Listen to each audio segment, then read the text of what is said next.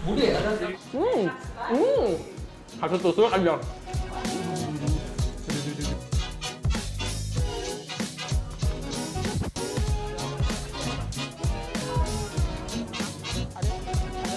Kudu gercep makin malam makin rame. Meski dikenal berasal dari Yogyakarta, eksistensi angkringan kini sudah menjamur hingga ke pusat-pusat kota. Ragam menu dengan harga merakyat jadi pemikat warung angkringan di hati para pelanggan. Dari yang sekedar ingin menghabiskan waktu luang sampai menjadi tempat kaum profesional membahas pekerjaan. Kalau saya sendiri sih, kalau udah kerja lama-lama di kantor kan kadang jenuh gitu, bosan dari suasananya sendiri. Jadi nyari tempat yang terbuka gini, jadi biar lebih fresh aja sih. Karena ngerasa nyaman aja ya di sini pastinya terus juga harganya kan di sini murah gak terlalu mahal banget buat ya aman lah di dompet-dompet para as- anak-anak muda kayak gue sendiri gitu kan Salah satu pemilik usaha angkringan adalah Marcelinus Dwi Nugroho. Pria kelahiran Yogyakarta ini menjajakan beragam menu angkringan di kawasan Bekasi Kota. Omsetnya bisa mencapai 4 juta rupiah. Tapi catat ya, bukan per bulan, melainkan per hari. Selamat datang pemirsa di segmen Sehari Menjadi. Kali ini saya akan sehari menjadi pengusaha angkringan. Akan belanja beberapa barang dulu. Salah satunya adalah daun pisang buat nasi kucing. Saya kalau makan nasi kucing kayaknya bakal makan empat karena sedikit dan kecil. Kita akan mulai hari yang panjang dan luar biasa.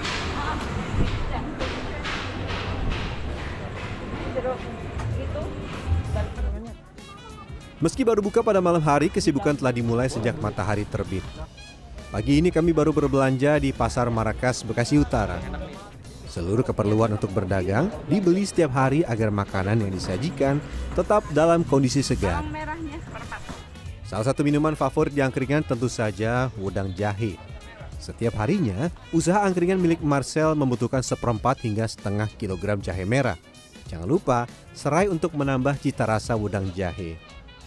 Lalu kita cari tomat, cabai rawit, bawang merah dan bawang putih untuk bumbu memasak. Belanja sudah beres, kita akan langsung bersiap. Setelah itu kita akan jualan malamnya. Let's go. Se- Sekilas ya, kayak mie ayam yang besar-besar loh. Tapi ini ush ush dan ini bisa jadi puluhan tusuk.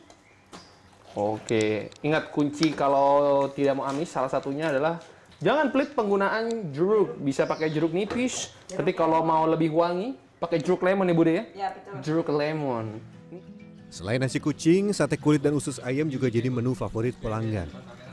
Nah, untuk usus harus betul-betul dicuci bersih menggunakan air mengalir agar bebas dari lendir dan bau amis.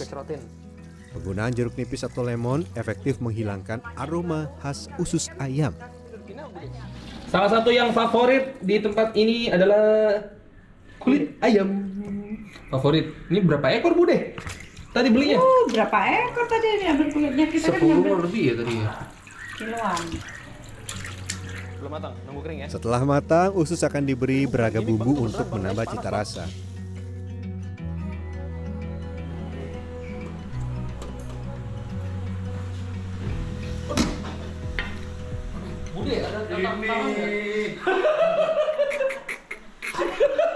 Hati-hati panas, Dok. Udah panas Bang Dai. Nah. Panas.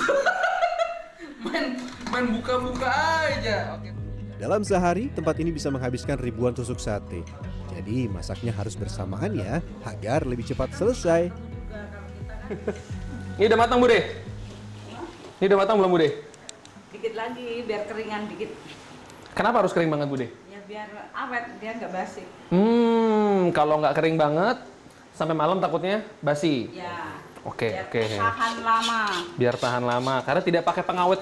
Bude kan panas. Iya kena uap Bude.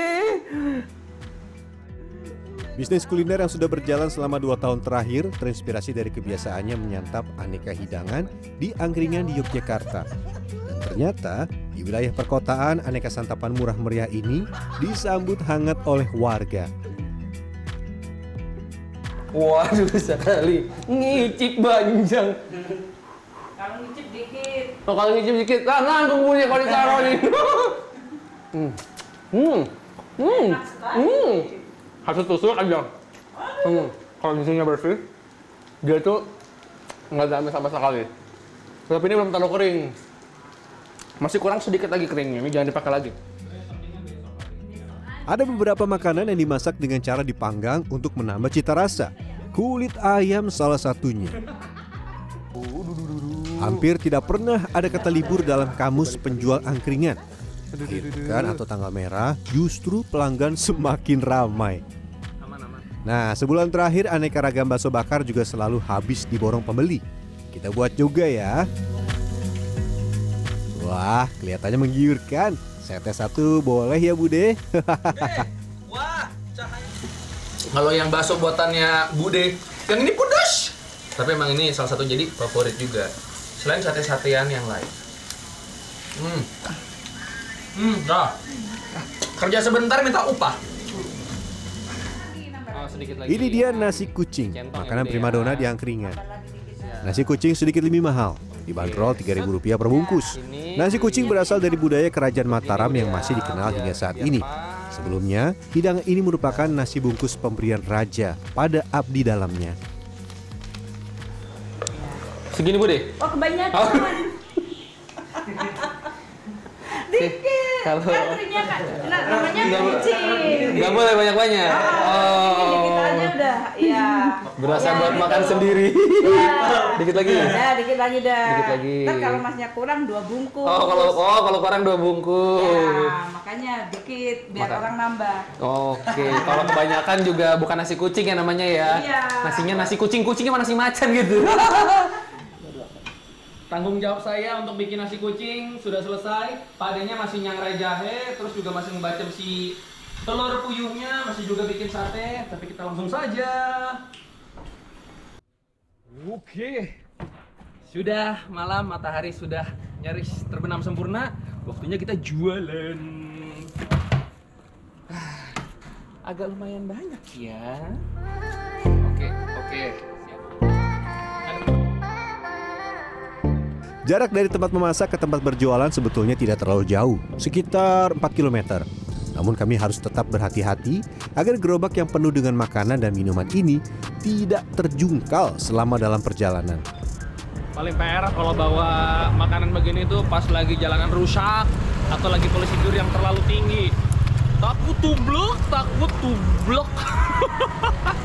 Oke, sedikit lagi sampai. Sedikit mulu nggak nyampe-nyampe. Hampir nyampe ini.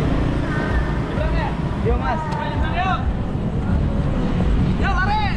Sama rem dikit mas, takut jeblos.